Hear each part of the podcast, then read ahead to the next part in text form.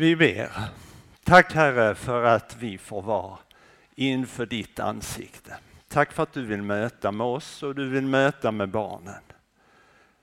Välsigna ditt ord på våra hjärtan och låt det få väcka en tro som är som en trygghet i våra liv. Som bär i livets alla situationer. I Jesu namn. Amen. Först så vill jag ge en hälsning. Jesus han säger så här, kom till mig. Du som är tyngd av bördor, så ska jag ge dig vila. Kom till mig. Kom till mig. En öppen famn för dig.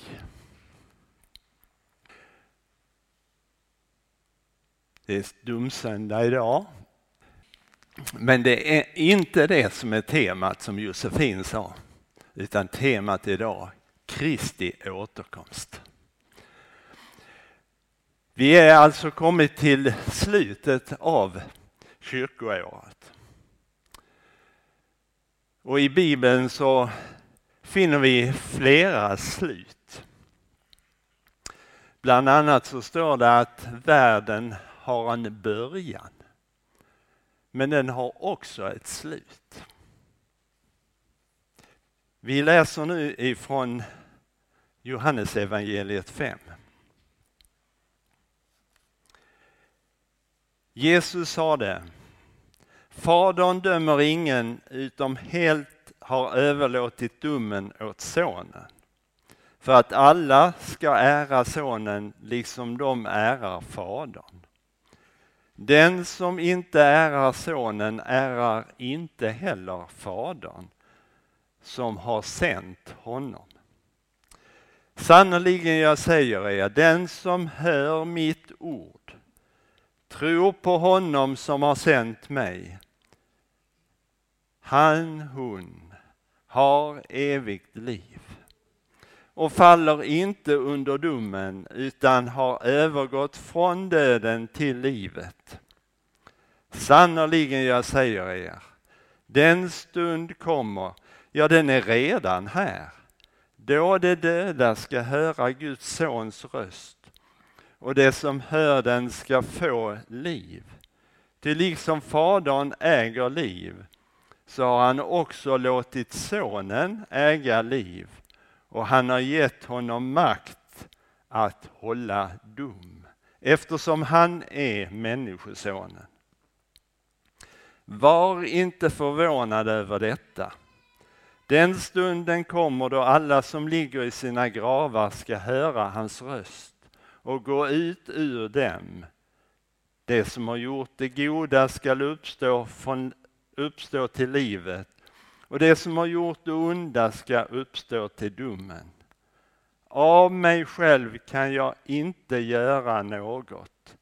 Som jag hör, så dömer jag, och min dom är rättvis. Ty jag följer inte min egen vilja, utan hans vilja som har sänt mig.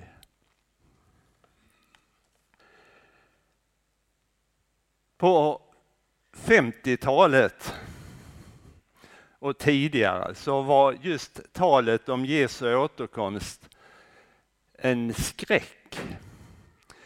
En skräck över att gå evigt förlorad.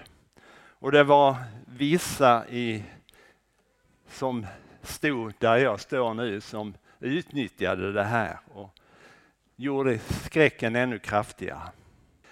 Sen 60 och 70-tal ungefär så hölls ju också det här med Jesu återkomst levande. Min generation eh, har sett filmen Som en tjuv om natten och andra sådana här filmer. Eh, så absolut levde just återkomsten väldigt klart och tydligt. Och det skapade hos en del då att eh, man kunde vakna och så konstatera att jag är ensam kvar i huset. Har Jesus nu kommit? Och jag är förlorad. Men hos andra så kunde det bli så här. Jag skippar att utbilda mig och skaffa familj. För Jesus kommer ju snart. Så det viktiga är uppdraget. Och sen tänker jag mig så här, 80-tal och fram till idag, så är talet om Kristi återkomst, det är väldigt minimalt. Det är sällan vi hör någonting om det där. Ni vet, det går ifrån det ena diket till det andra eller vad man ska säga. Men det här är ju viktigt, det här är ju väldigt viktigt. Att hålla det levande. Så därför ställer jag följande fråga. Vad betyder Jesu återkomst för dig? Är det något som du inte alls har någon koll på och är ett enda stort frågetecken? Eller är det sådär lite skrämmande läskigt? Eller, nej, det är oviktigt. Jag är kanske inte likgiltig men, men nej, det, det betyder inte något egentligen. Eller är det någonting som du ser fram emot? Tron på Jesu återkomst det är en väldigt central trossats i den kristna tron. Någon har roat sig med att räkna ut att i snitt var 25 vers i Nya Testamentet, där förekommer just ordet yttersta domen eller Jesu återkomst. Så det är ju väldigt förekommande. Och som vi såg eh, och, och, som vi uttalade i bekännelsen, i den nicenska trosbekännelsen från 325, så bekänner vi ju än idag att Jesus, han uppsteg till himmelen och därifrån ska han också komma för att döma levande och döda. Så Bibeln, bekännelsen, återkommande lyfter fram det här. Jesus ska komma tillbaka. Och vi kan också läsa om hur de första lärjungarna såg honom fysiskt liksom lyftas upp och tas från den här jorden. Och sen så säger ängel, änglarna till lärjungarna, där de står och stirrar då.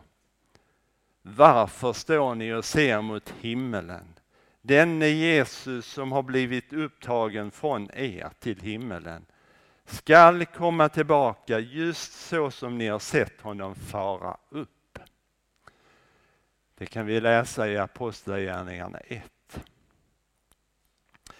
Så nästa fråga det är, är du en molnspejare? En molnspejare. Eller är det karriären, framgången, önskan om att besparingarna på nytt igen ska växa, öka i värde? Eller barnbarnen som vi spejar efter. En politiker han fick frågan om han trodde att Jesus skulle komma tillbaka. Och han svarade så här. Jag hoppas inte det. För vi har det så bra. Ja, så kan vi säga i västvärlden och han är inte ensam om det där, den tanken. Texterna idag handlar alltså om tidens slut. Och i evangelietexten så, så framkom det tydligt att det här med domen, det berör oss alla. Ingen kommer undan.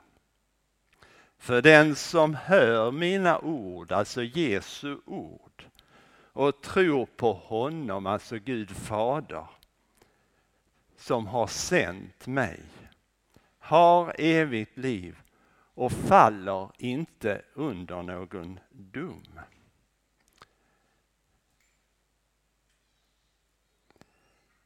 Du och jag är skapade med en fri vilja. Med möjligheter att säga ja och nej, också till Gud. Och som jag ser det så är ju det ett av livets viktigaste val. Att säga, ta ställning till. Som Jesaja säger i det 55 kapitlet att söka Herren medan han låter sig finnas. I Johannes evangeliet så läser vi så älskade Gud världen att han sände sin son för att var och en som tror på honom inte ska gå under utan ha evigt liv. Och det där, den där versen kallas Lilla Bibeln. En sammanfattning av hela den här bokens budskap. Det är det Gud han vill säga till den här mänsklig, eh, eh, hela mänskligheten. Så älskar han oss, hela världen. Han sände sin son. Ja, det talar om att om Guds människoblivande. Det där lilla barnet i krubban. Men det talar också om försoningsgärningen, om korset och den tomma graven. Och hur detta har öppnat vägen för var och en att kunna säga ja.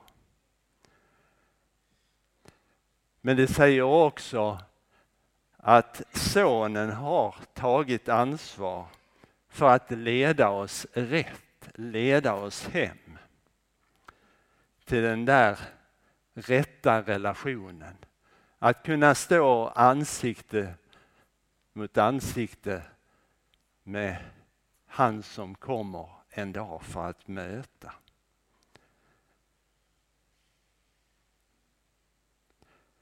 Jesus har genom sin död besegrat de makter som förfört och som har förblindat och än idag förblindar mänskligheten. Och på så sätt också har, eller inte har, utan gör anspråk på människors eh, liv. Men det Jesus har gjort, det är ju att han har köpt oss fria från de här makterna. Han har betalt skulden och han har vridit vapnet ur åklagarens händer. Nu är han den rätte Herren. Och nu, sedan 2000 år, så bygger han sitt rike ut över världen med kärlek och tro. Och det gjorde ju också att han gav de första lärjungarna och även oss uppdraget. Gå ut. Gå ut. Låt kärleken värma i en kall värld. Låt ljuset lysa i mörkret. Bibeln talar också om att du och jag kan påskynda eller fördröja Jesu återkomst. De första lärjungarna de hade en iver och en längtan efter att på nytt få möta sin vän den bäste. Att han skulle komma åter. De hade en, ett fokus och ett iver på att gå ut, fokusera på uppdraget att göra alla till lärjungar. Jesu efterföljare. Därför att för dem var det så tydligt uppenbart att Gud faders tanke och vilja det är att rädda hela mänskligheten och sedan slutgiltigt döma det ondskan på den här jorden. Så levde de. Imorgon eller kanske i eftermiddag så kommer Jesus. Men det dröjde. Några decennier så börjar man fundera varför dröjer Jesus? Och då ser man i, i, i vår bibel, i deras bibel, att det finns ett syfte från Guds sida att dröja. Sonens framträdande får vänta. Därför att Faderns vilja är att fler, ännu fler, ska få chansen. Ska få komma inom hörhåll och kunna ta ställning. Fadern vill ha fler med på tåget så att säga. Och det är därför han dröjer. Ja, vad är då avsikten med Jesu återkomst? Ja, man skulle kunna sammanfatta det så här. Att slutgiltigt etablera Guds rike på jorden. Och vi ber ju om det i Herrens bön. Låt ditt rike komma. Har du tänkt på det? Vi ber om att Guds rike slutgiltigt ska komma på den här jorden. Sen kan man bryta ner den sammanfattningen i fyra delar, tänker jag. Den första är att Jesus kommer tillbaka för att just hålla domen. Och domen är då inte tänkt över människorna, så älskade han, utan över världens ondska djävulskap ska få sitt rätta straff. Och det ska ske när Jesus kommer åter. Och, vi, och jag läste i evangelietexten att det har Fadern överlämnat åt Sonen. Den andra delen är att Jesus kommer tillbaka för att hämta hem dem som väntar på honom, tror på honom. Och vi läste även där att det gällde både avlidna och levande. Alla ska få möta sin bäste vän. Den som de har tagit ställning till här i tiden. Och det tredje är att Jesus kommer tillbaka för att uppenbara vem han själv är för allt skapat och för att skapelsens eh, och att han ska få skapelsens hyllning och tillbedjan. För så här står det i Romarbrevet. Även skapelsen ska befrias från sitt slaveri under förgängelsen och nå fram till Guds barns härliga frihet. Vi vet att hela skapelsen gemensamt fortfarande suckar och våndas. Skapelsen, övriga skapelsen längtar efter den stora dagen, efter befrielsen. Och den fjärde delen som vi kan bryta ner sammanfattningen i, det är att Jesus kommer tillbaka för att etablera en ny himmel och en ny jord där rättfärdighet råder. Och som vi också läste, eller ehm, Josefin läste i, i Uppenbarelseboken. den nya skapelsen, den här världen ska få ett nytt ansikte där fullständig harmoni finns. Och de tre första delarna som jag har lyft fram här, de utgör förutsättningen för att det fjärde ska kunna ske. Att ondskan måste vara dömd och utplånad. Det Jesus troende måste vara identifierade, igenkända.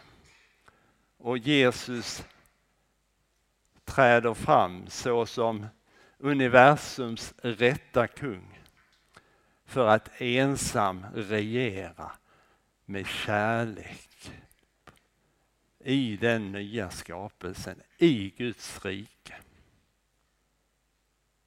I andra Petrusbrevet 3 så kan vi läsa Jesus har lovat att komma tillbaka, rädda det som tror på honom. Och vi fick förra söndagen höra hur Jesus uppmanar oss att le leva nära honom. Det är den säkra platsen. Det är den trygga platsen för var och en av oss. Att ha tilliten till Jesus Kristus, ha blicken fäst på honom och ha trons olja, Guds ande i våra liv. Den dag, idag och den dag när han kommer tillbaka så som kungars kung och församlingens brudgum som vi sjöng i första salmen.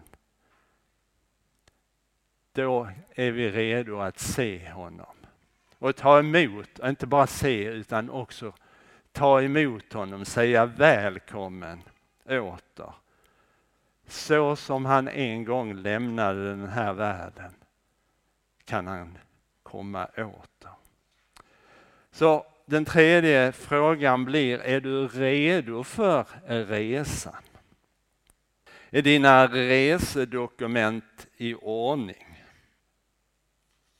Och vad betyder det? Jo, dels är allt uppklarat. Är det inget, ingen synd som Bibeln säger som inte är lyft fram inför korset, inför Jesus, bekänt och förlåtet. Allt ska vara uppklarat. Och har vi också rätt ut våra relationer. Och det viktiga också är, kan jag bekänna Jesus som min frälsare och Herre. Allt bekänt och förlåtet. Mina relationer är upprätta och kan bekänna Jesus, du är min räddare och Herre. Finner du att det är inte helt okej okay, eller du gungar på någon punkt här synd som är oförlåten. Du kan inte säga att Jesus är min frälsare och Herre. Så är det inte för sent. Det finns möjlighet idag. Här i vår gudstjänst. Så småningom kommer det att finnas förebedjare på den här sidan, tre stycken. De kan hjälpa dig. Om du känner, jag vill, jag vill ha det klart. Jag vill se fram emot den dag då Jesus kommer åter. Jag vill ha allt på plats. Ta hjälp av förebedjarna också för annat. Men Det här är extra viktigt. Och det här med relationer, det får du reda ut efter gudstjänsten. Men låt det ske. Det är viktigt. Det finns en tidsgräns, det finns ett slut. Och det fantastiska det är, och det är ett evangelium till oss, ett glatt budskap. När jag lever med Jesus som min vän, då har han redan tagit din och min dom. Det är evangelium det. Jag som förtjänar att dömas går fri. Det har haft ett stort pris. Han har gjort det, så älskade han.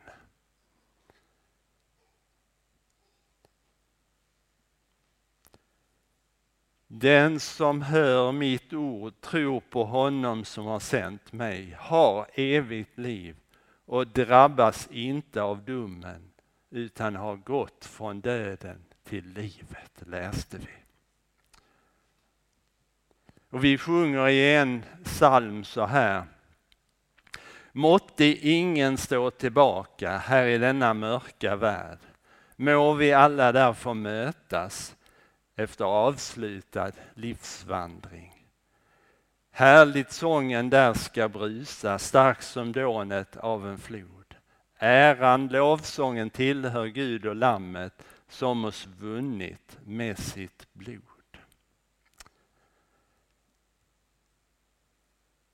Ta chansen. Kämpa den goda kampen tills han kommer åter. Behåll tron på Jesus. Så är Gud den som ordnar resten. Tveka inte att ta chansen idag.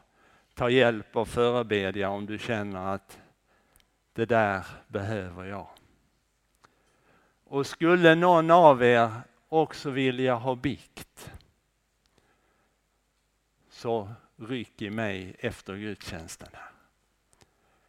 Allt kan få vara klart efter den här dagen. Herre Jesus kom, kan jag säga med glädje. Ytterligare en psalmvers. Ja, och innan jag ska läsa den så tänkte jag också så här. Du kan också när du kommer hem läsa Matteus 24. För Jesus har inte hållit oss, kan, eller vill inte hålla oss okunniga inför det som händer innan han landar på jorden igen. Han och i 24 kapitlet där kan du läsa om det.